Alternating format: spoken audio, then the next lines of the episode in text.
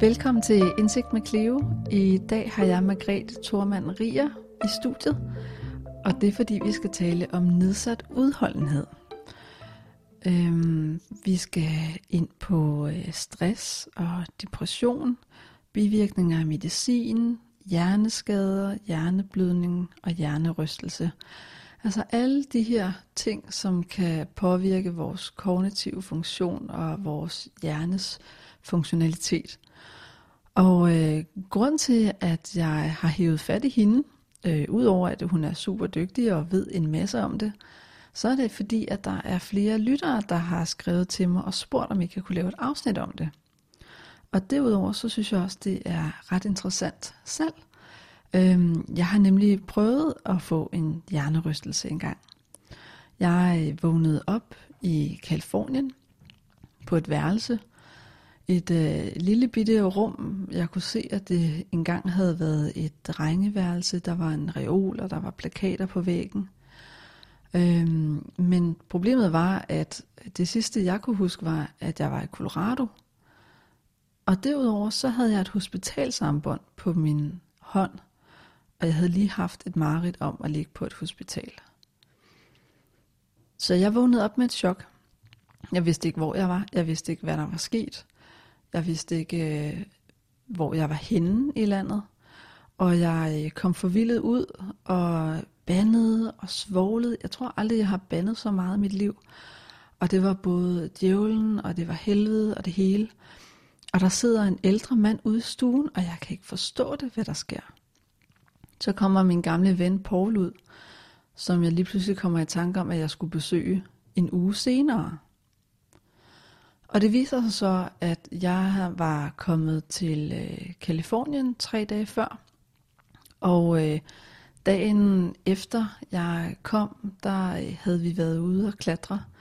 Og vi skulle ned af en øh, skråning. Og der fik jeg overbalance.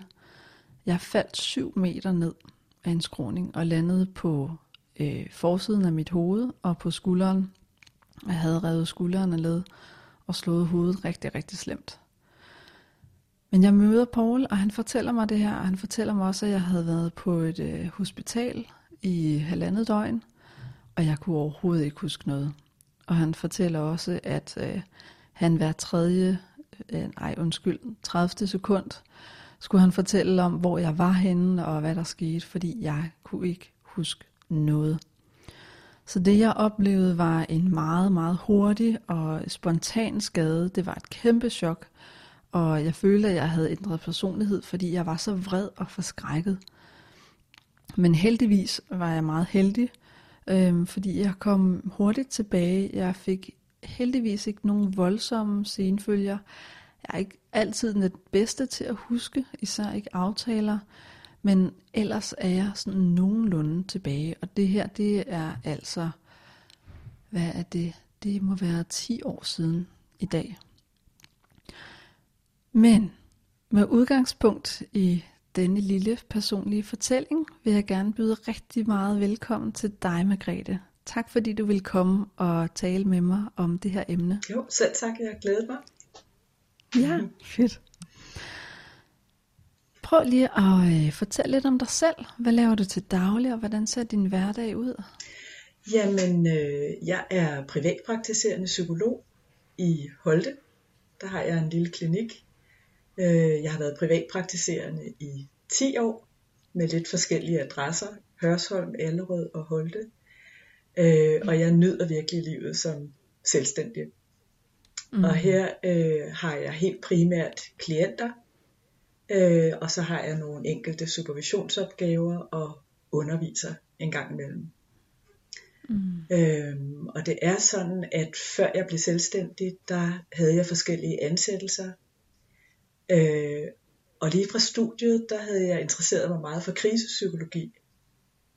Ja. Øh, og det var faktisk min indgang til at komme til at arbejde med voksne, som havde fået en hjerneskade.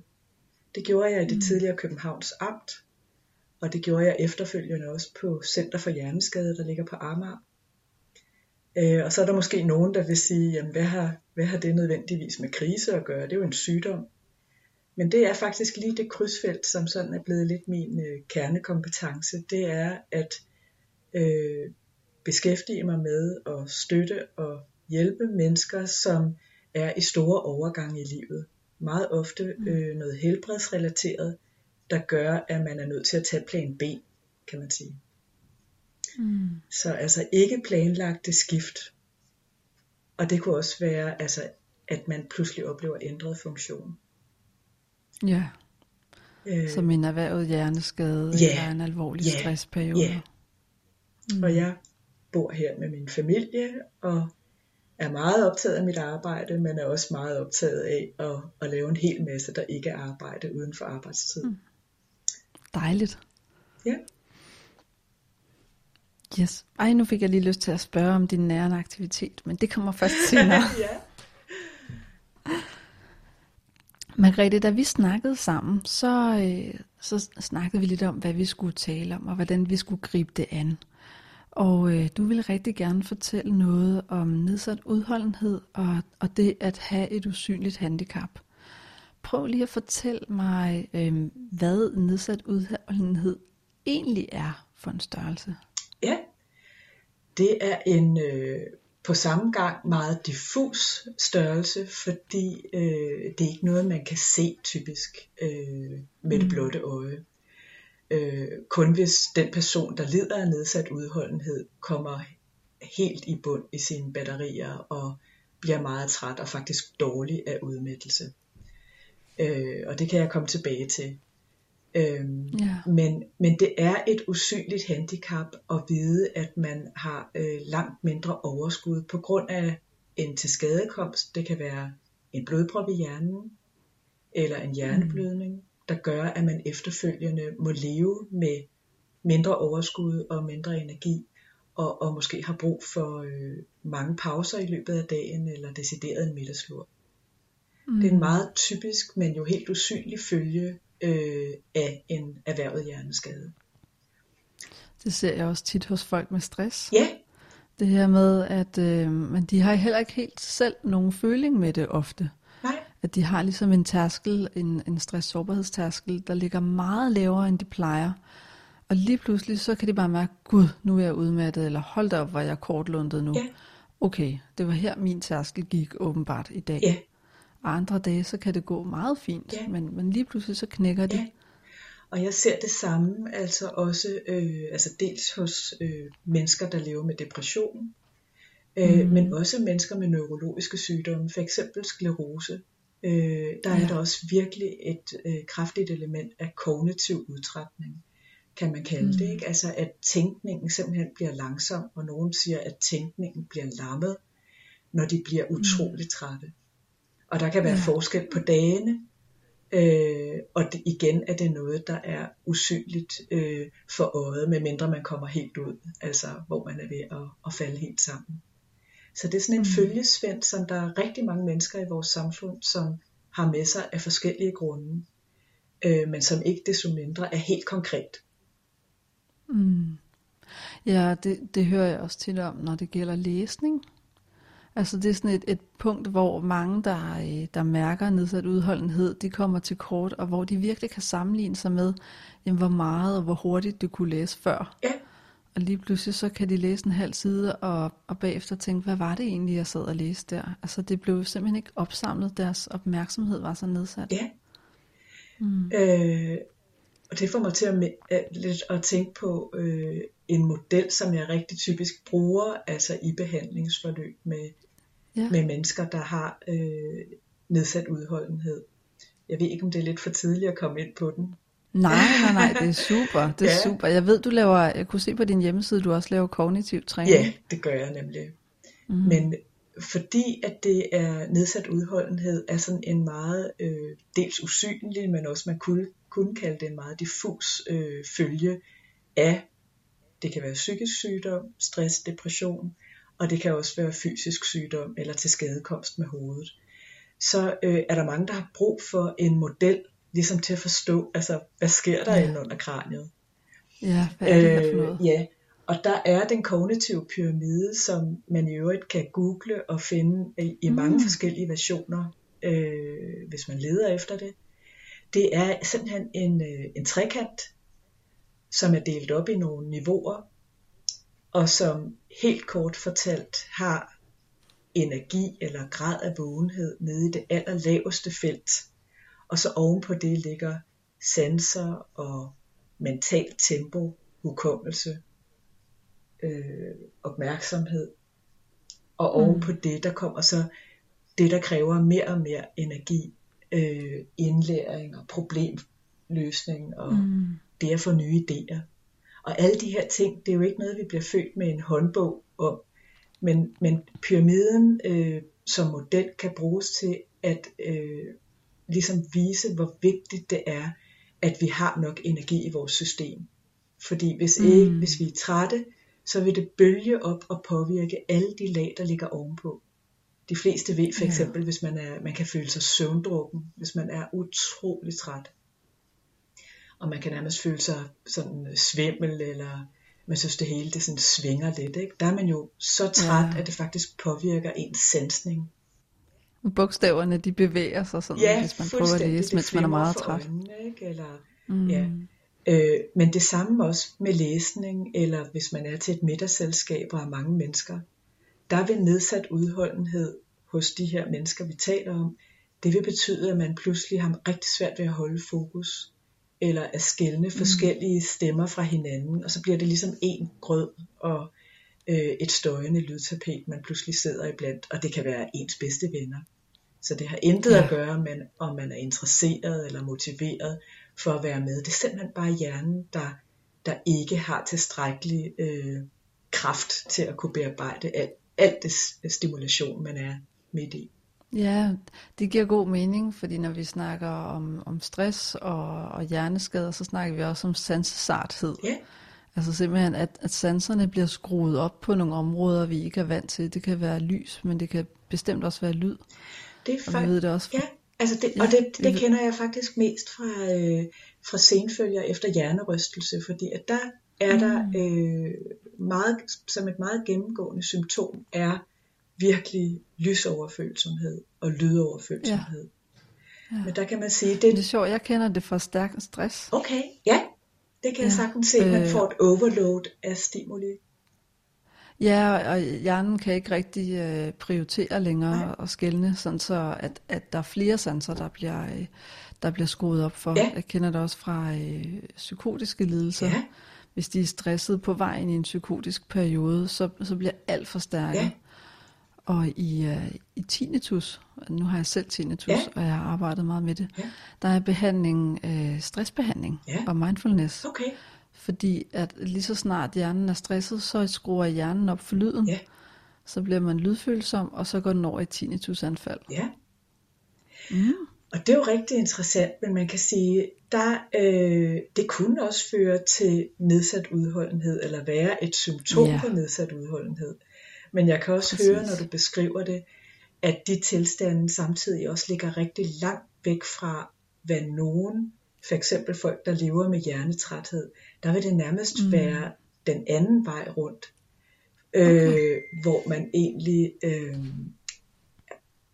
ja, kan have oplevelsen af, at man ikke kan komme igennem trætheden og komme ud i verden og virkelig få mm. fat i det, der sker hvor man kan sige, det du beskriver, hører jeg mere som sådan en, at verden bare står ind, og man har ikke noget filter, og man bliver lagt ned, mm. og kan slet ikke organisere og tage imod, og, og processere alle de stimuli, der er. Men man kan sige, det er sådan lidt øh, hver ende af spektret, i, i forhold mm. til den trætte hjerne. Altså at den kan blive ja. overvældet i visse tilstande, og det vil også trække energien helt ud. Øh, mm. Eller at det kan være en hjerne, der simpelthen ikke kan komme op i omdrejninger, fordi den er fuldstændig udmattet og, og, og burde have en hverdag med flere pauser. Hjernepauser. Så overaktiv og, og underaktiv, hvis vi skal forenkle det lidt. Ja, det er rigtigt. Mm. Ja. Jeg øh, lægger selvfølgelig et billede op af den kognitive pyramide på Instagram. Ja. Fordi det tænker jeg er en rigtig, rigtig god model også at have visuelt. Ja. Øhm, så jeg er sikker på, at Margrethe hun sender mig et billede, som øh, jeg kan bruge. Ja, det kan du tro. Jeg ved, at du var, øh, du var klinisk interesseret i emnet. Men jeg ved også, at du fik en naturlig, personlig eller privat interesse for emnet, øh, på grund af nogle store omvæltninger i dit liv. Hvad var det, der skete der? Ja, øh, der skete det, at da mine børn var 6 og 9 år, så øh, blev min mand meget alvorligt syg. Øh, og i forbindelse med den sygdom, så har han faktisk efterfølgende fået øh, en træthed, han følges med i livet. Og øh, vi var 40 år begge to, da det her skete. Og det vil sige, at øh, det var jo ikke et alderdomstegn. Det var simpelthen mm. en, øh, en senfølge efter den sygdom, han havde. Øh, mm. Han har også øh, fået epilepsi, og i den forbindelse bliver han medicineret øh, for at være anfaldsfri. Øh, og, og den medicin, man kan sige, prisen for at være anfaldsfri, det er også at leve med, med nogen træthed. Så man kan sige, at jeg selv i hverdagen, og vi i min familie, mm. lever med, øh, at en af os har den her nedsatte udholdenhed. Og det er klart, at det har givet mig nogle helt andre øh, perspektiver og, og jo i høj grad personlige erfaringer med det. Vi er nødt til at forholde os til mm. det, altså løbende. Ja, så hvad er det, du ser som pårørende, som kone?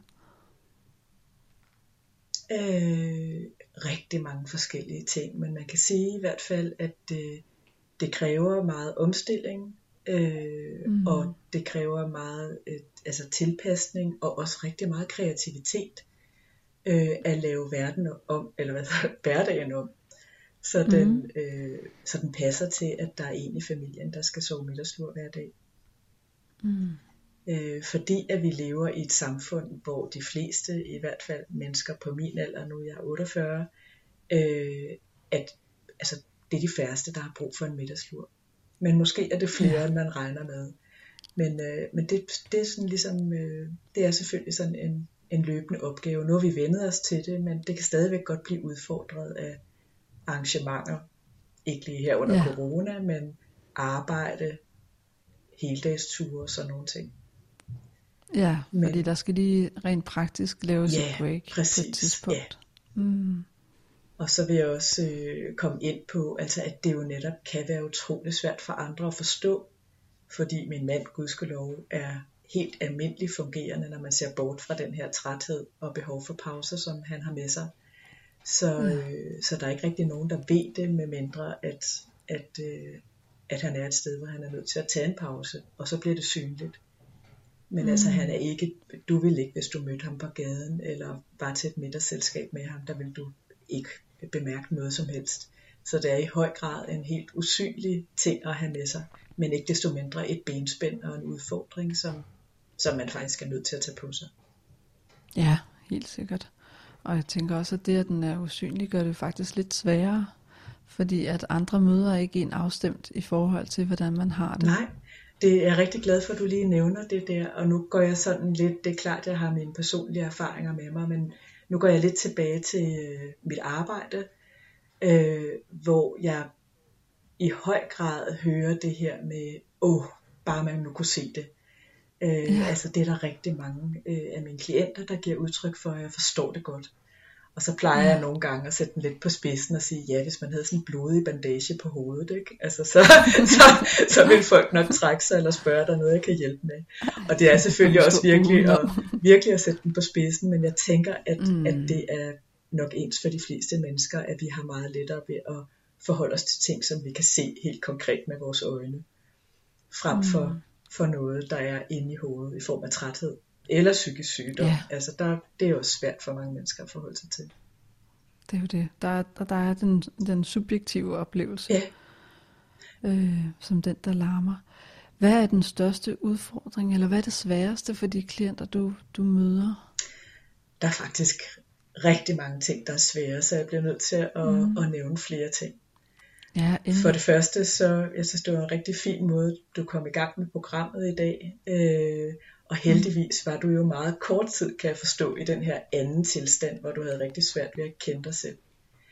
Mm. Men for de fleste af dem, jeg taler med, som har øh, været i en arbejdsulykke og fået et kranietraume, eller måske har de fået en blodprop eller en hjerneblødning, eller lever med senfølger efter hjernerystelse, eller nogle af de her andre tilstande, jeg er kommet ind på, der er det faktisk det allersværeste, det er virkelig at øh, acceptere den nye version af mig selv, kan man sige. Ja. ja. Øh, og det kræver utrolig meget timing fra min side, øh, at introducere tanker om faktisk at acceptere det og tage det på sig. Mm. Øh, fordi det er en enormt stor mundfuld. Jeg plejer at sige, at man skal tage det ind med teskeer, og at det tager mm. mange år. Altså hver eneste dag tager man en lille bid af det, fordi man kan se, mm. det er mm. sådan, det er, hvis man har en varig tilstand. Øh, men man kan sige, at der er også mange tilstande, som, hvor hjernen lige så stille reparerer sig selv, øh, og hvor man også gennem træning og det, man kalder kompenserende strategier, det vil sige, at man gør tingene på en lidt ny måde, der passer bedre til, hvordan man fungerer nu. Altså der kan man faktisk komme hen et sted, hvor det føles knapt så forandret, som det lige gjorde i starten, mm. hvor man kunne mærke, at man havde ændret funktion. Men altså det er, det, det, det er virkelig en meget stor opgave for et menneske, vi taler om her. Fordi de fleste af os, som er voksne, har et relativt fasttømret billede af, hvem vi er, hvad vi kan, ja. hvornår, hvor fleksible vi er osv. Ja, og, og det vi spejler os i og sammenligner os med, er ofte den, vi var før. Ja. Det er noget, jeg hører igen og igen ja. med, hvornår kommer jeg tilbage til mig selv? Ja. Ja. Og så skal man på en, på en gelente og elegant måde fortælle, at jamen, vi skal finde ud af, hvem version 2.0 bliver ja. i stedet for. Ja. Og, øh, og hvis man skal sammenligne sig med noget, så, så skal man helst ikke sammenligne sig med før skaden. Man skal sammenligne sig med, hvordan det gik i sidste uge. Ja. Øh, ja. Så man, man får en mere realistisk ja. syn på sig selv. Ja. For ellers så kommer vi til at dunke os selv i hovedet og, og blive opslugt af en, en depression yderligere. Ja. Mm. Og samtidig så jeg er sådan meget øh, praktisk øh, indstillet øh, i mit arbejde. Ja, også mig. Ja, og, og, og derfor tænker jeg også, at, øh, at det bestemt er ukonstruktivt at sammenligne sig med øh, den man var før og det man kunne, og samtidig er det fuldstændig ja. umuligt ikke at gøre det. Så, og, og det gør, at øh, før jeg kan komme i gang med at arbejde med, at den jeg taler med øh, i højere grad måske lige så stille begynder at acceptere øh, for eksempel at, at skulle leve med, med nedsat udholdenhed og alt det, det betyder. At vi der har, har dvælet ved, øh, at den tab, det tab og den smerte, som er forbundet med øh, ikke selv at have bestemt, at nu, nu er jeg tvunget til at fungere på en anden måde. Mm. Øh, og det er virkelig med en erfaring, at, at det gør, altså hvis, hvis vi både kan tale om, at det er svært, og øh, hvorfor skulle du ramme mig, og, og også der er plads til vrede osv., øh, så bliver det altså lidt lettere at komme frem til at nyorientere sig, som man også kan sige det, når man ligesom skal falde ja. på plads i en ny version. 2.0, som du kalder ja, det. Så, så bearbejdning af smerten, ja. den kommer ja. altså også, den kan vi ikke ja. glide hen over. Ja. Så, der... så bliver det for urealistisk og for højdragende. Det er for svært at nå de der skridt. Ja, og endelig øh, så, så tænker jeg også meget i, jeg ser sådan en tidslinje for mig, hvor vi lever ud af den her linje, og så slår lynet ned. Og det kan jo være i form af sygdom eller til skadekomst. Du faldt selv ned af en skrant.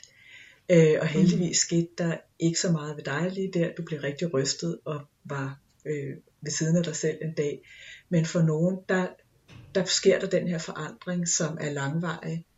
Øh, ja. Og der arbejder jeg meget med at bære sig meget over, altså broen kan man sige. Tag sig meget med fra det, du var før. Øh, meget typisk mm. alle værdierne og det, du prioriterer osv. Men så er vi nødt til at begynde at gøre tingene på en ny måde. Eller være med mm. på en ny måde. Altså øh, ja. på grund af den ændrede funktion. Ja, så, så man kan sige, vi har stadigvæk øh, værdierne ude i horisonten, noget at sigte efter, noget der giver mening og dybde i livet. Ja. Men vi skal bare gå vejen på en lidt anderledes måde, ja. end vi plejede at ja. gøre det. Ja. Mm. Så det er virkelig, altså jeg tænker, det er, det er sådan noget af det, der er det aller, aller, aller sværeste øh, ja. for den her gruppe, som øh, lever med nedsat udholdenhed. Øh. Og så kunne jeg godt tænke mig at vide, hvis det er okay. Ja. Øhm, hvad er det sværeste for dig som behandler, når du sidder med den her gruppe? Altså din egen proces i arbejdet med dem? Ja, øh, jeg tænker, at noget af det allersværeste, altså det er egentlig at være øh, vidne på første parket øh, til livets sårbarhed. Fordi ja. øh, det er ikke kun dumme mennesker, der kommer til skade, det er ikke kun slagsbrødre.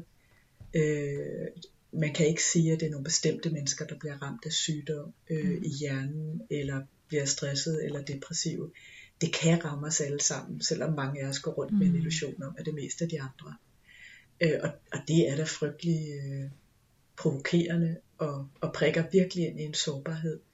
Så det vil jeg sige, ja, det er... Sikkert også det er en uretfærdighedsfølelse. Okay, okay. Mm. Det, det tænker jeg er det sværeste som behandler. Øhm, men det er, det er også dejligt at se, at, at øh, de fleste mennesker helt klart efter noget tid er i gang med at, at finde en, en ny måde at gøre tingene på, som også giver mening. Også selvom de slet ikke vidste det, da de stod midt i det. Men mm. at når man tager en dag ad gangen, og især rækker ud efter hjælp, øh, og også gerne har et, et okay socialt netværk, altså tænker jeg, at det vil lykkes for de fleste at, at lande i noget, der passer til den, man er nu. Mm. Ja, fordi det er jo noget af det, jeg har oplevet de gange, jeg har arbejdet med folk med sklerose. Ja. Især. Øhm, fordi det kommer jo lidt ud af det blå, at lige pludselig så er der noget, noget førlighed, eller, eller der er nogle bevægelser i, i, i overflademuskulaturen. Øh, øh, og så får de en alvorlig lidelse lige pludselig. Øh, og en af mine klienter, hun, øh, hun har ALS, en, en meget alvorlig øh, neurologisk sygdom, som går ud over muskulaturen. Ja.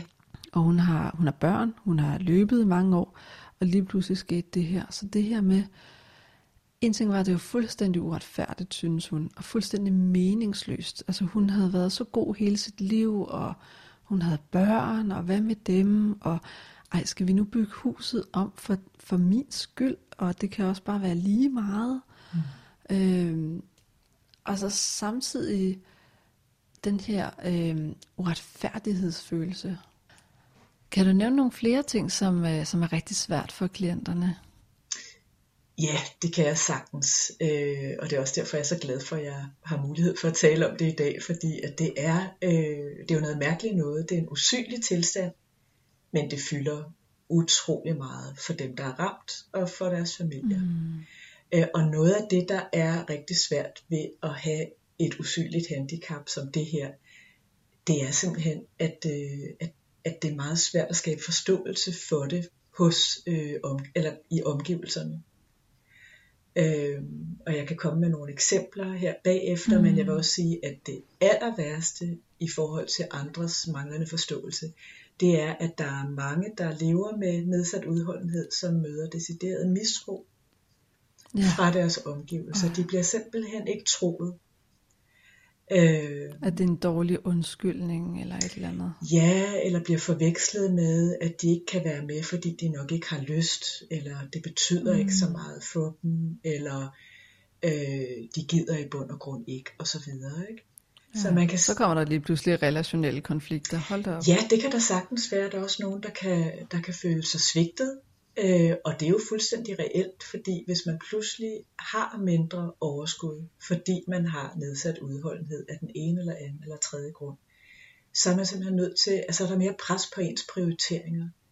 Og det vil sige, mm. at hvis du før, øh, bare et tænkt eksempel, hvis du har fem rigtig gode venner, du gerne vil se ofte, så kan det være, at du faktisk er nødt til at, at koncentrere dig om de to eller tre, som, som trods alt er dine nærmeste og så ja. øh, mest af sms'e med de sidste to. Og det er mm. som sagt bare et tænkt eksempel, men det kunne lige så godt være et praktisk eksempel, fordi at man kan ikke diskutere med en træt hjerne.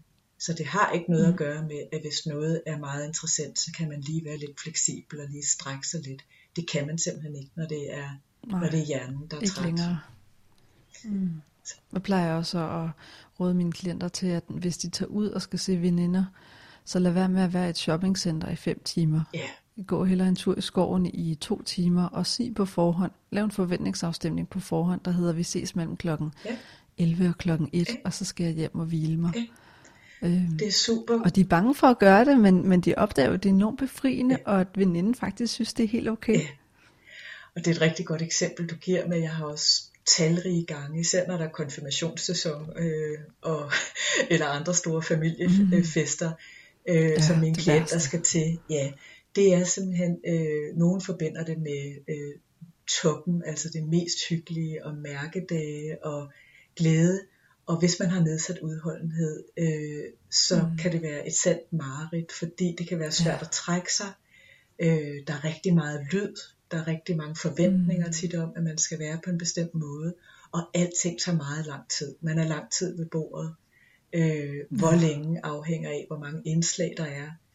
Øh, der er rigtig mange ting. Man er typisk på udebane, øh, og måske langt væk Ja, ja, det er- hjemmefra. Så, så det er virkelig en sand bombe øh, i forhold til, hvis man har nedsat udholdenhed.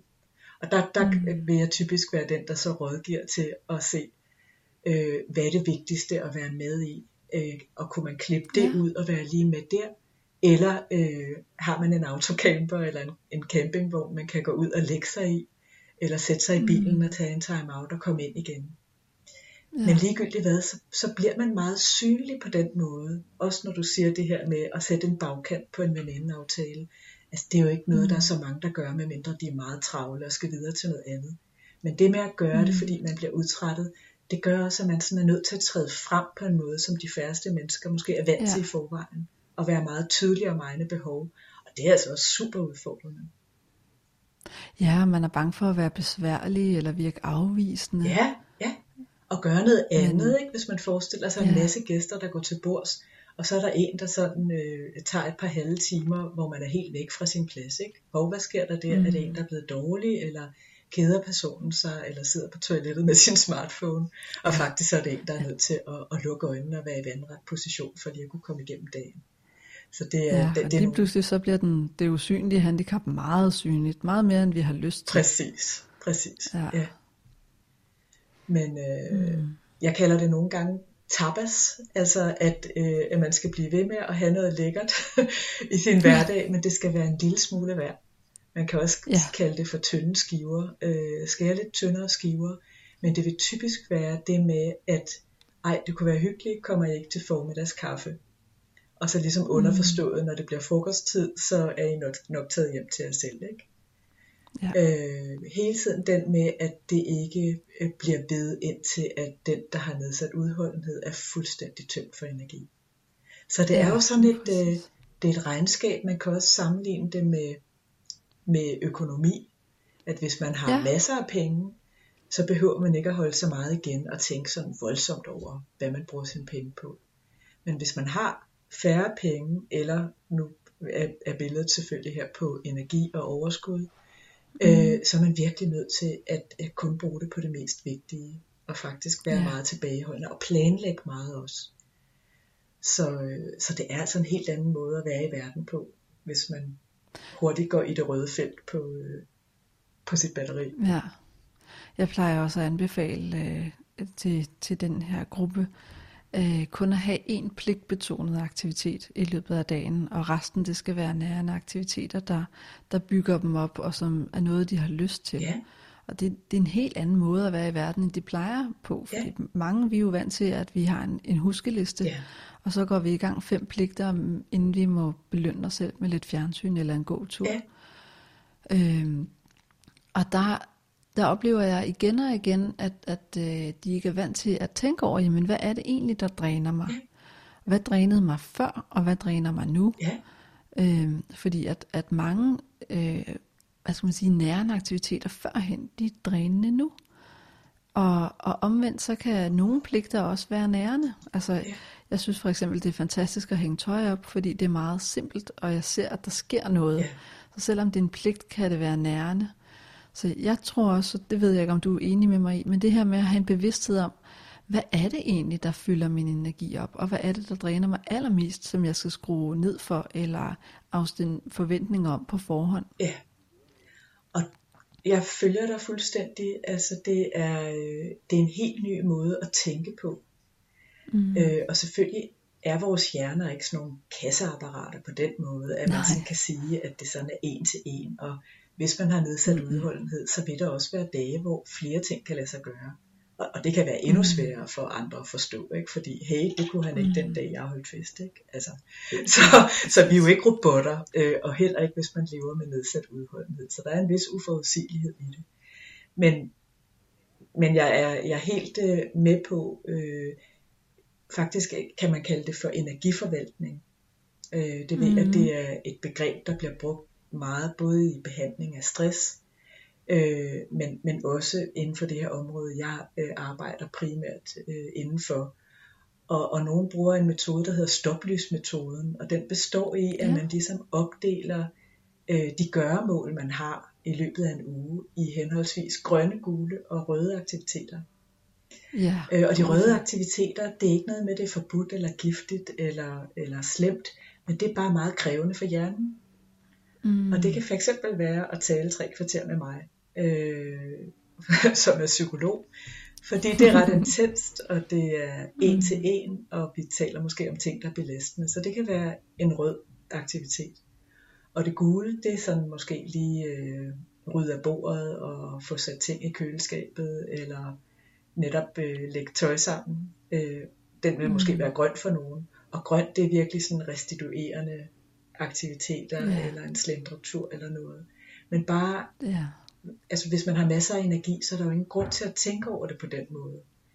Øh, men det er der altså, hvis man øh, ikke bare kan rute med energien, så er man nødt til at lægge en plan, og så er det rigtigt, så må der kun være en rød om dagen max. Ja, fordi at, at man har erfaret igen og igen, at når man når over tærsken, så, så er det ikke til at forudsige, hvornår den kommer. Nej, og så vil så man må typisk, gøre, hvad man kan for at for, forebygge. Det er rigtigt, og der, øh, når man arbejder med den her øh, såkaldte stoplysmetode, så vil man også se, at der typisk vil være flere symptomer om aftenen, eller netop kort ja. lunte, stress, ondt i hovedet, migræne, øh, hvis man har haft måske to krævende, altså røde aktiviteter på en dag. Og det taler jo for, at hvis man kan, øh, så prøve at planlægge sådan så, at, at presset eller stimulationen bliver fordelt på forskellige dage i stedet for en, i det omfang man kan. Mm. Øh. Fedt. Ja. Jeg kunne godt tænke mig, at øh, vi lige kommer ind på øh, medicin. Ja. Øhm, hvis det er okay med dig? Ja, fuldstændig. Fordi vi, vi snakkede lidt om, om det her med, øh, øh, eller du skrev til mig, at jeg kan også lige komme ind på, øh, på antidepressiv medicin. Ja. Øh, effekten ja. der, eller øh, det kan også være, nu sagde du nedsat udholdenhed i forhold til bivirkninger af medicin. Ja. Men lige hurtigt taler om medicin, øh, fordi det tænker jeg kan være gavnligt for mange, der øh, er i tvivl om, om det er noget, man skal begynde på eller ej, eller måske har nogle, øh, hvad skal man sige, noget tilbageholdenhed, men mangler viden agtigt. Ja. Så de ligesom lukker ned for overhovedet at tænke i de baner. Ja. Vil du være åben for det? Ja, meget. Øhm, Fedt. Ja, og øh, der er jo utrolig øh, delte meninger om medicin.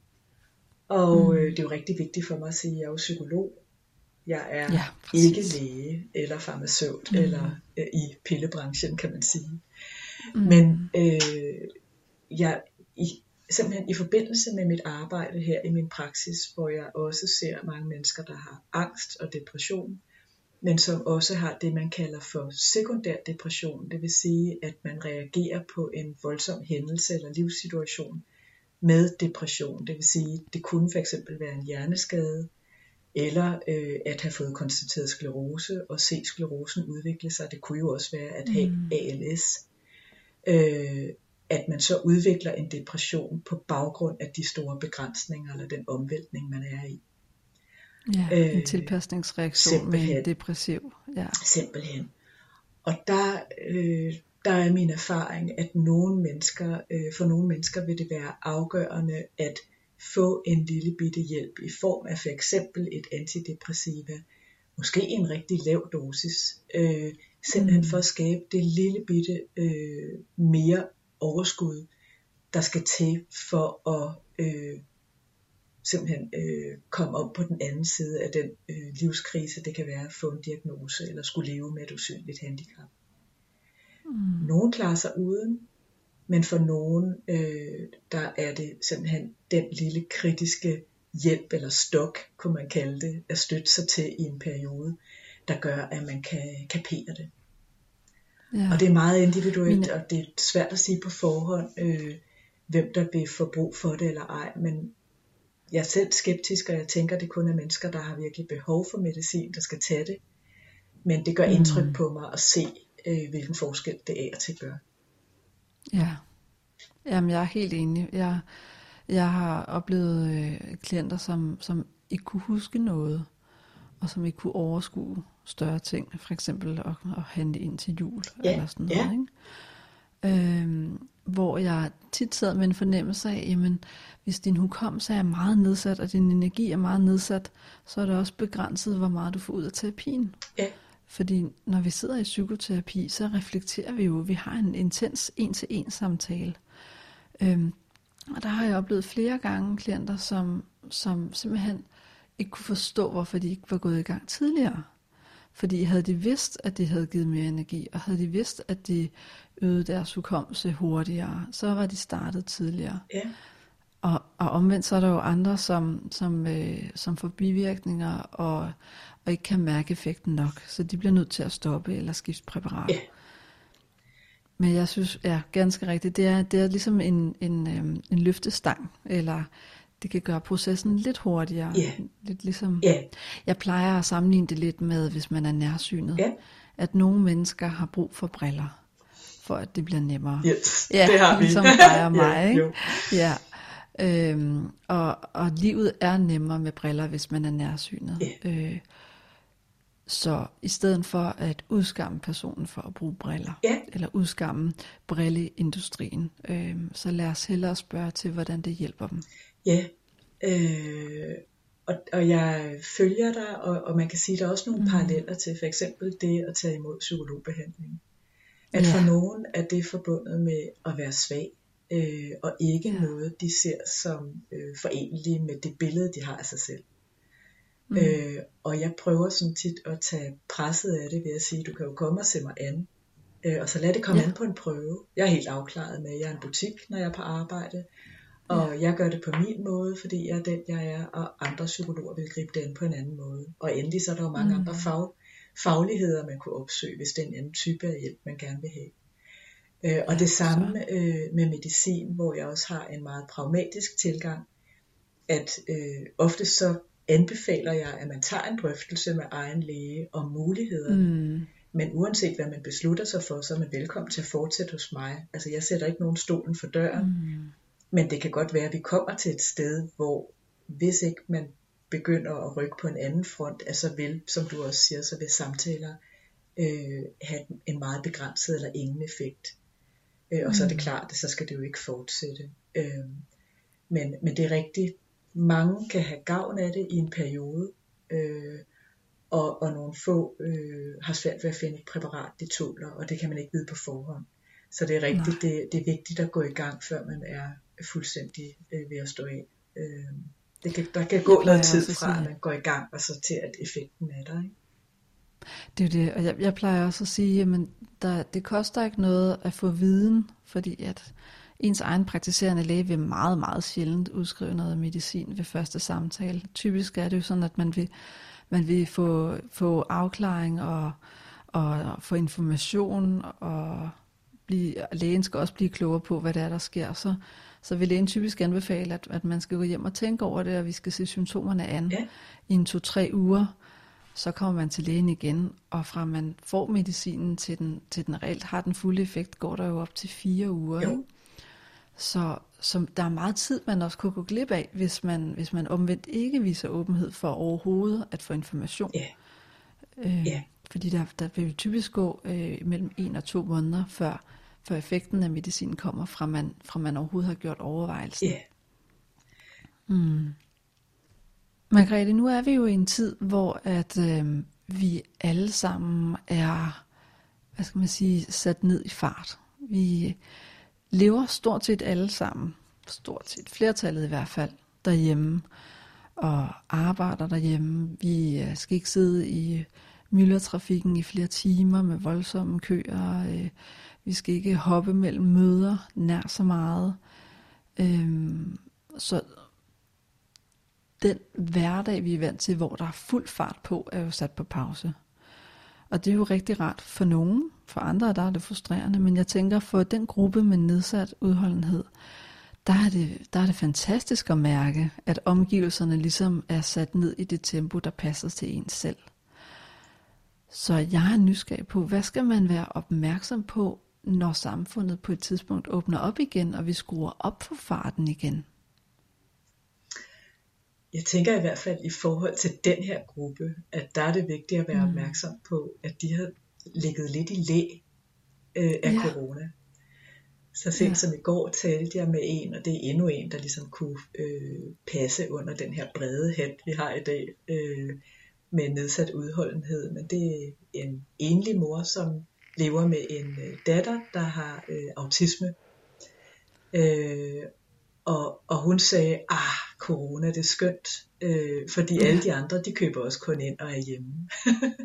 mm. øh, og det er sådan, deres liv er nødt til at være, fordi den her pige har, har rigtig meget brug for faste rutiner, og ikke for meget, og så ro på, og så videre. Ikke? Hun bliver meget let stresset. Øh, ja. Og det støtter hendes mor op imod, eller op øh, omkring. Og det er rigtig let lige nu, fordi der er ikke så mange tilbud, ja. der er ikke så mange forventninger. Så jeg, og der er meget forudsigelighed. Fuldstændig. Der er rigtig meget forudsigelighed, mm. og det er der jo nogen, der er ved fuldstændig at gå død i, og, og rigtig mange lider under det. Det er jo vigtigt at anerkende, at vi har det meget forskellige, øh, både vores mm. vilkår her under corona, men også den måde coronasituationen rammer os på. Men, men jeg tænker især en mor til en bar, et barn med autisme, ja. der er det jo en kæmpe fordel, ja. ikke? fordi rutiner og forudsigelighed, ja. det, det skaber et, et stabilt sind ja. hos autisme. Ja. Men, men den her ro, der er nu, og som er gift og, og, og depressionsfremkaldende og frustrationsfremkaldende hos rigtig mange, øh, den, den er virkelig god for nogen. Og man kan sige, at øh, dem, der lever med nedsat udholdenhed, føler måske, der er lidt medvind lige for øjeblikket, fordi at de ikke bliver mm. udfordret så meget på, på den energi, mm. de ikke har. Øh, det er ikke et hurtigt samfund. Der er ikke hele tiden nej. fest inde ved siden af, eller der er ikke hele tiden brug for, at man siger nej, eller kan vi gøre det lidt kortere.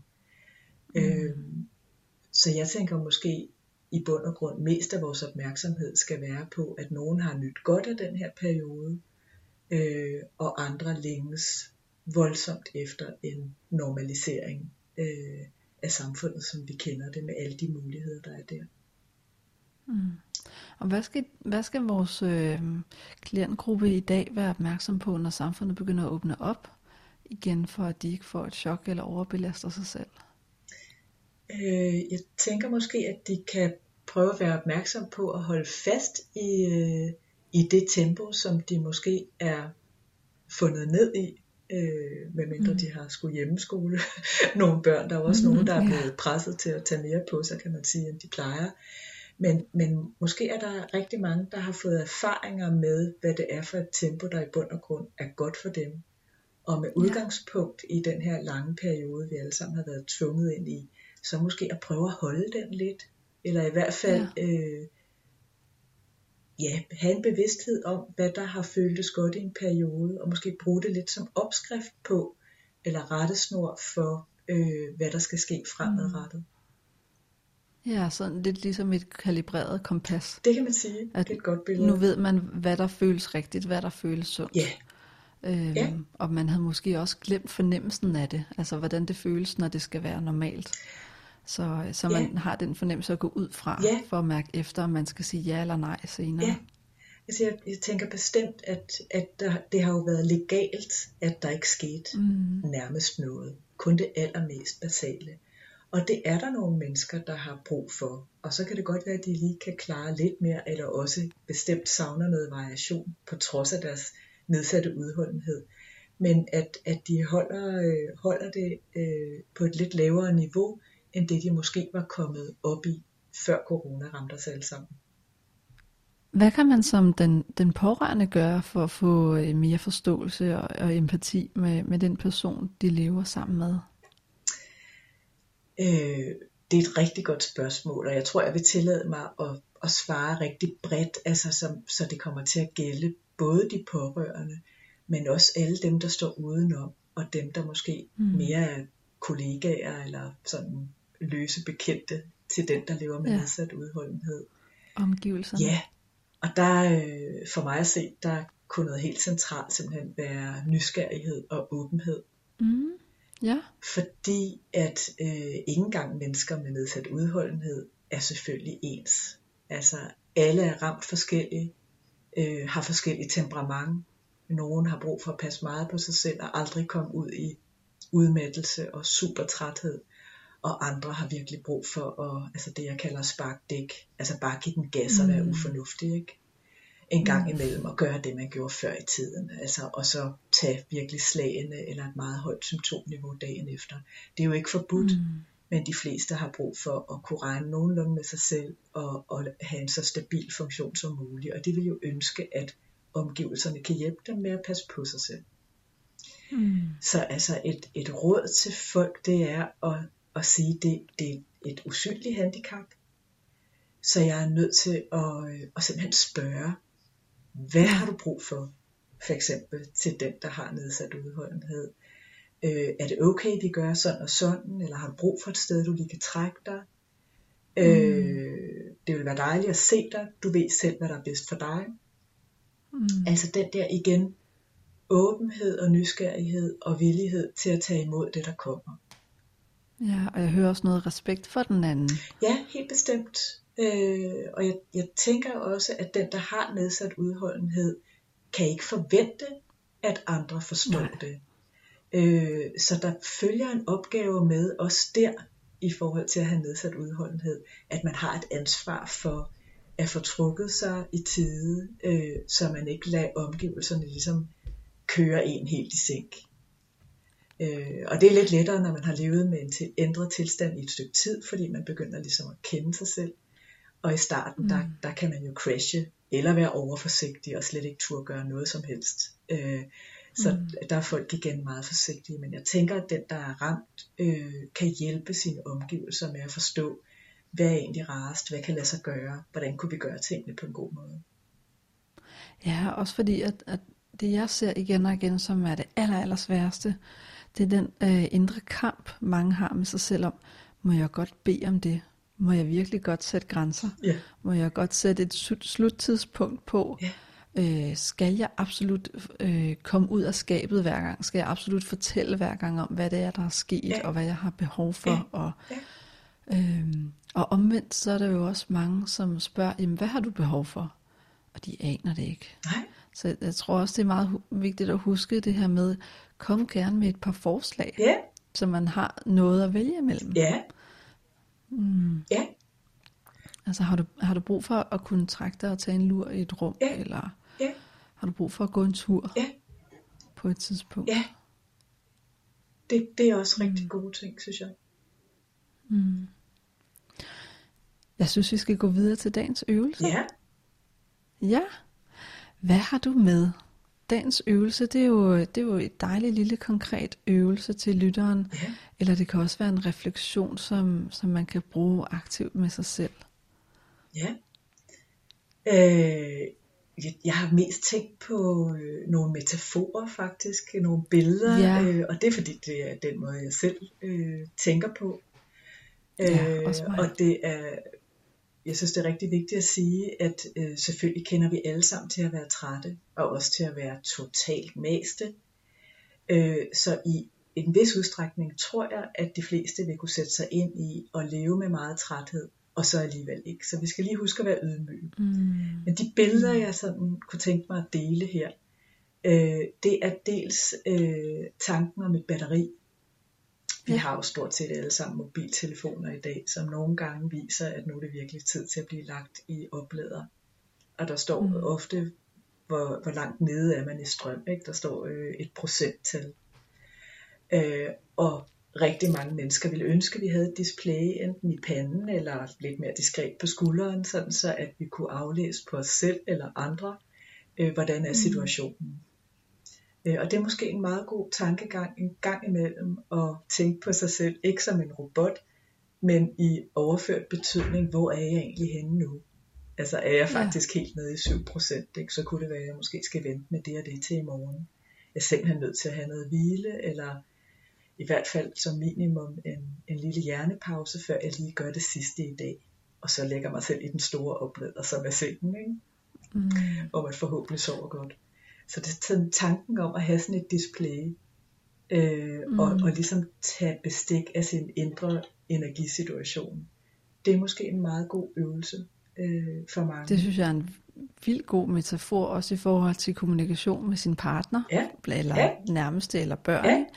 Fordi at øh, for mange, der er det rigtig svært at skulle sætte ord eller lave sætninger ud fra, hvordan man har det, og hvilken ja. energi man har. Men, men når man putter det på en skala eller sætter tal på, så skal der mindre til, og det er nemmere at mærke efter, ja. når man har en, en skala at sammenligne med. Ja. Og der kommer også et fælles sprog, hvor at, okay, når du, du, du er 60, ja. det går okay, ja. men, men du er på vej ned ja. nu. Øh, ja. Så jeg, jeg tænker at selve sådan kommunikationsprocessen og, og forståelsen af hinanden bliver hurtigere eller bedre ja. også. Ja. Så det er super godt. Og det, og det er nemlig også noget, man bruger i mange andre sammenhænge, netop med skala-spørgsmål. Det kender du formodentlig mm. også godt, ikke? hvor man ja. er på en skala okay. fra 1 til 10, hvor 1 er det ene og 10 ja. er det andet. Øh, mm. så, så den er rigtig fin. Og så er der bare et billede, som, som der er flere, der sådan har, har været glade for, når jeg har nævnt det, øh, og det er sådan lidt, et lidt øh, skørt billede. Men altså, at, at hvis man lever med relativt markant nedsat udholdenhed, altså kan man sammenligne det med at, at køre i en bil, hvor øh, håndbremsen ikke er helt sluppet. Mm. Øh, eller gå i blystøvler, øh, er der også nogen, der siger. Ikke? Altså at man hele tiden, alt hvad man gør, der drøner der mere energi ud, øh, mm. end, end der ellers ville have gjort. Så det med egentlig at trykke på speederen, men, men bare kunne mærke en træhed i systemet, ikke? og så opdage, mm. hvorfor så, jeg har ikke lige fået sluppet håndbremsen helt. Ja. Øh, det er måske egentlig et meget godt billede, der kan give en lille smule øh, forståelse for, hvad det vil sige for nogle mennesker øh, at komme igennem dagen og ugen øh, med mindre energi end os andre. Ja, fordi for mange, der får vi jo energi af at bruge energi. Ikke? Hvis vi løber en tur, så får vi et boost. Hvis ja. vi er i flow i en spændende opgave, ja. så bliver vi høje af det. Men det er jo det modsatte, der gør sig gældende her. Ja. Mm. ja. Perfekt. Var der andre metaforer, du havde med, eller skal vi gå videre?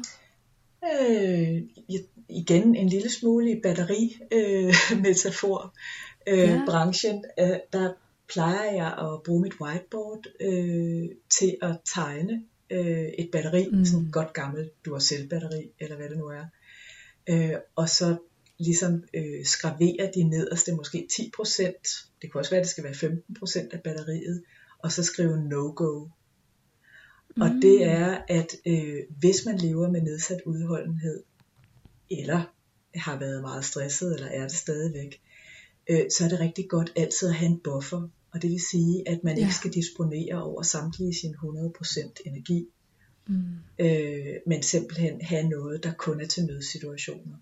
Fordi i hvert mm. fald for alle voksne mennesker, der kan der jo komme noget ind over, vi er nødt til at forholde os til hinanden i familien, eller der sker et eller andet, eller bussen kommer ikke, eller hvad det nu er, øh, hvor man simpelthen er nødt til ikke kun at have 2% tilbage, for så kan man ikke komme hjem.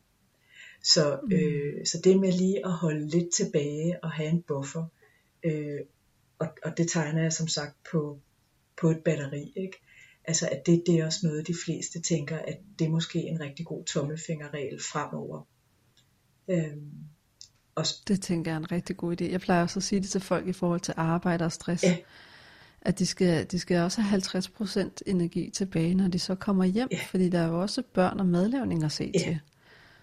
Så man må godt skrue lidt ned på arbejde, der hvor man kan. Ja. Så det hele, man kan sige, øh, det handler meget om at disponere, planlægge mm. og dosere er også et ord, som øh, selvom jeg ikke doserer noget sådan konkret, mm. så ordet dosere kan måske også øh, give en fornemmelse af, at, at man sådan har en bevidsthed med omkring, hvad er det, jeg bruger opmærksomhed på, hvordan er det, jeg bruger min hjerne, hvad udsætter jeg mig selv for af stimulation, fordi at det hele ligesom tapper ind i et regnskab, hvor der er lidt mindre at gøre med, end man havde før i tiden. Mm. Så, så jeg tænker mange metaforer og små strategier til at falde på plads i et nyt liv. Øh, det er nok rigtig brugbart for mange, fordi man er op imod vanerne fra før man ændrede sig. Øh, og og ja. vanens kraft er jo som bekendt stærk. Den er meget stærk. Man har jo levet et helt liv, ja. indtil det skete, ja. ikke? I, I hvert fald fra et subjektivt synspunkt. Ja. Hvad har du med som dagens anbefaling? Det kan enten være en bog, eller en serie, eller noget andet. Ja, øh, der vil jeg faktisk øh, rigtig varmt anbefale en øh, bog. En lille, øh, meget let tilgængelig, vil jeg sige, bog, som hedder Utilstrækkelig. Og den er skrevet af Christian Hjortkær, som er lærer på Silkeborg Højskole. Mm. Øh, og det er en bog, som, øh, nu ved jeg ikke, hvad Christian Hjortkær vil sige, men, men min, i min forståelse af det, der handler det rigtig meget om den øh, acceleration, der er i vores samfund. Og nu øh, bogen er skrevet lige før corona, og corona har jo lagt øh, en dæmper, som sagt, på noget af tempoet og øh, alle de her muligheder, som vi alle sammen har hele tiden. Men, men øh, forfatteren slår i hvert fald meget på det her med, at øh, vi har så mange muligheder, og risikoen for at som individ at føle sig utilstrækkelig er enorm. Fordi hvorfor går vi ikke bare ud og lever mm. det ud? Og jeg synes, mm. den bog øh, kan være god for de fleste faktisk, men også enormt mm. meget til den her gruppe, som øh, også på grund af nedsat udholdenhed må vælge meget stramt, hvad er egentlig vigtigt, hvad har jeg brug, brug for at gøre i mit liv, hvad kan jeg bruge kræfter på, øh, hvad er udelukket på forhånd. Så man mm. kan sige, det her uh, just do it, uh, som ellers blæser uh, i ja. tiden, og realisere dig selv, og bare gøre det, og uh, rejse rundt ja, om jorden. Bare, ja omstille din forretning, så den passer til corona. Ja, nytænk det, ikke? Og, og i det hele taget også, det var, det var en ting, jeg også øh, rigtig gerne ville ind på, det her med, altså tendensen til at tale hinanden op. Åh, oh, du mm. kan godt, og hvis du vil det, og altså, du er god, og tro på det, altså, det, det er ikke altid brugbart, hvis man faktisk ikke har så meget energi. Der har man ikke brug for at blive talt ned, men man har brug mm. for at blive talt et realistisk sted hen, så der er mulighed for at få succes øh, med, med det, som man sætter sig for. Så, så det er også, øh, jeg kan meget, meget varmt anbefale den her utilstrækkelige. Jeg tror, den er på ja. lidt over 100 sider. Øh, super god bog. Det er også til at overskue. Ja, super god bog. Når man har nedsat udholdenhed. Ja, det er rigtigt. Det er også den grund. Ja, altså. ja. Øhm, men, men det giver super god, god mening, også når vi snakker compassion, så det at vise sig selv omsorg, er ikke det samme som at give op, eller øh, vise sig selv med lidenhed, tværtimod. Det er jo en anerkendelse af, at lige nu er det rigtig hårdt, ja. og det er okay, og andre har det også hårdt. Ja. Og nu tager vi bare de små skridt, ja. og, og tager ansvar på vores måde, ja. som er god for ja. os. Ja. ja. Margrethe, når du kan mærke, at du har øh, virkelig lavt energi på dit batteri, du er måske på 10%, øh, hvad gør du for at øh, fylde dine batterier op? Hvad har du for nærende aktiviteter, du giver dig selv? Jeg har øh, det, der hedder at bevæge mig rundt i naturen. Mm. Øh, og jeg har fået følgeskab af utrolig mange mennesker her under corona. Okay, ja. øh, nogle gange, som jeg går sammen med, men jeg kan jo bare se, at det er jo en af de ting, man netop har kunne gøre. Øh, og ja. jeg tør faktisk ikke tænke på, hvad der var sket, hvis det var naturen, der var lukket. Fordi det er simpelthen mit største genopladningssted. Mm. Og det hænger dels sammen med, at jeg er vokset op med natur og med en naturglad familie. Øh, men også, jeg bor et sted, hvor jeg har let adgang til naturen. Og, mm. og jeg nyder virkelig ro og højt til loftet øh, efter en arbejdsdag, hvor jeg typisk har talt med mennesker og siddet inden for hele dagen. Ja. Så det er en lise for mig at komme ud, og jeg går faktisk en tur på en times tid de fleste dage. Mm. Øh, det, det er virkelig en måde at genoplade. Det er en rigtig god idé, fordi der aktiverer du også nervesystemet, i stedet for at, at sidde fast i den trætte, brugte energi, så får du frisk luft. Ja. Og giver dig selv en, en naturlig energidrik, kan man ja, sige, ikke? Men, men er til stede ja. på en helt anden måde end, uh, end hjemme i kontorstolen. Ja. Sansningen. Det er faktisk uh, en af de nærende aktiviteter, jeg har hørt flest gange. Ja. Og det må betyde, at der virkelig er noget om det. Ja, og jeg, jeg, jeg mener også, at der faktisk er decideret evidens nu, og jeg ved jo også, at der det findes der. terapihaver, øh, som gør ja. mennesker for eksempel med rigtig sådan kronisk stress godt. Mm. Øh, og, og, og det er også noget, der bliver forsket rigtig aktivt i nu, og det er jo fantastisk. Mm. Tænk, hvis det kunne føre til, at vi også passede lidt bedre på vores natur, så kunne det jo gå op ja. i en højere enhed. Ja, vi ved jo fra forskningen, at, at det grønne i naturen har en helende effekt, og det at røre ved dyr ja. har en helende ja. effekt. Og så har man faktisk også fundet ud af, at, øh, at personer, som ligger indlagte, øh, jo flere blomster de har, jo hurtigere kommer de så sammenlignet med, med personer, som ikke har blomster okay. på stuen. Ja. Så selv når det er en lille buket, så har det faktisk en effekt ja. af at kigge på natur. Ja. Det er ret vildt. Det, det vil jeg tænke faktisk også måske kunne hænge sammen med noget andet, øh, som mm. egentlig ikke har noget med natur at gøre, men mere at der er nogen, der er kommet med de her blomster. Så ja, jeg forestiller præcis. mig også, at det er noget med, at man har et netværk, som kommer og afleder en. Så måske en god blanding af de to ting. Det tror jeg helt sikkert, du har ret i. Ja. Og så en lille note. Øh, nu ved jeg ikke, om jeg tager det med. Men man ved også fra forskning, at, øh, at hvad skal man sige, prævalensen af depression i storby er højere end på landet. Ja. Og det tror man også, altså sådan ja. procentvis i befolkningen, så tror man også har noget at gøre med, om der er natur i nærheden ja. eller ej. Ja, okay. Mm. Øhm, Margrethe, hvad kunne du godt tænke dig, at øh, lytteren får med som det aller sidste, øh, det sidste lille guldkorn, eller en god ting at huske? Ja, jeg tror, jeg tænker meget øh, det her, som faktisk også har været i fokus i vores samtale i dag, som er, hvordan behandler vi egentlig vores hjerne, eller hvordan bruger vi os selv i vores hverdag, og passer den hverdag, vi har, til den energi, som vi har, og den hjerne, som vi har. Og det er jo ikke noget, vi bliver født med en håndbog i. Øh, og nogle gange kan jeg tænke mit, når jeg ser folk, der tror, at de kan skrive en sms, mens de kører på motorvejen. Øh, at det er jo, øh, det vidner om en, en meget lille forståelse af, at opmærksomheden faktisk kun kan være et sted ad gangen.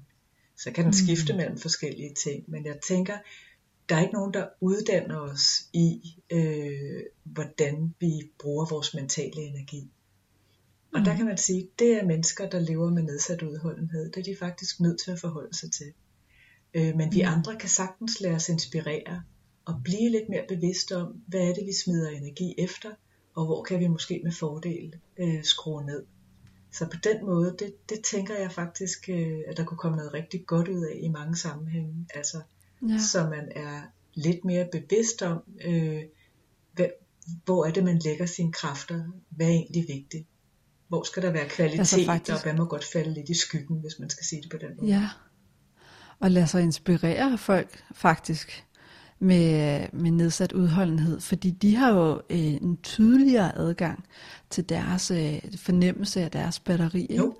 Øhm, og, og der er også mega meget visdom i de ord, de vælger at bruge over for deres omgivelser. Ikke? At, at jeg kan mærke, at jeg, det bliver for hårdt for mig, hvis jeg presser mig selv. Ja. Eller øhm, jeg bliver desværre nok nødt til at sidde over i dag, fordi at ellers så kommer jeg til at bruge mig selv for meget, overbruge mig. Ja der er rigtig meget, vi som pårørende også kan tage med der, ja. og huske os selv på. Ja, mm. og, og som en sidste ting kan man sige, at øh, hvis vi vil begynde at tænke nyt og bruge os selv på en lidt anden måde, end hvad vanerne sådan har, har gjort ved os, så er det ikke farligt hverken at komme til at overbruge sig selv, eller at få skruet mm. for meget ned for blusset. Fordi alle erfaringerne mm. vil kunne bruges, og er måske det, der gør, at vi på et tidspunkt lægger os lidt mere midt på vejen øh, Ja. og, og køre stabilt derudad. Så, øh, så man skal ikke tro, man har kommet til at gøre noget meget kritisk ved sig selv ved at øh, blive meget udmattet, eller måske dårlig af træthed, og til andre tider Mm. måske få skåret så meget ned, at det er hvilepuls hele tiden. Men øh, Mm. at de fleste vil have brug for en vis grad af stimulation, og der sker noget, men det skal bare være tilpas, så man ikke Ja. overbruger sig. Ja, og med det så afslutningsvis, da jeg fik hjernerystelse, der kunne jeg også mærke tydeligt, at nogle dage, så kunne jeg godt gå en tur, men jeg skulle bestemt ikke køre bil, og jeg skulle heller ikke se for meget, der skulle ikke være for mange mennesker. Så det er en vigtig, vigtig pointe. Så vil jeg sige tusind tak for i dag. Tak fordi du kom. Selv tak. Det var rigtig godt. Og ja, ja, jeg håber, der er en masse, som lytterne derude kan tage med. Og også bare dem, som har ganske almindelig stress.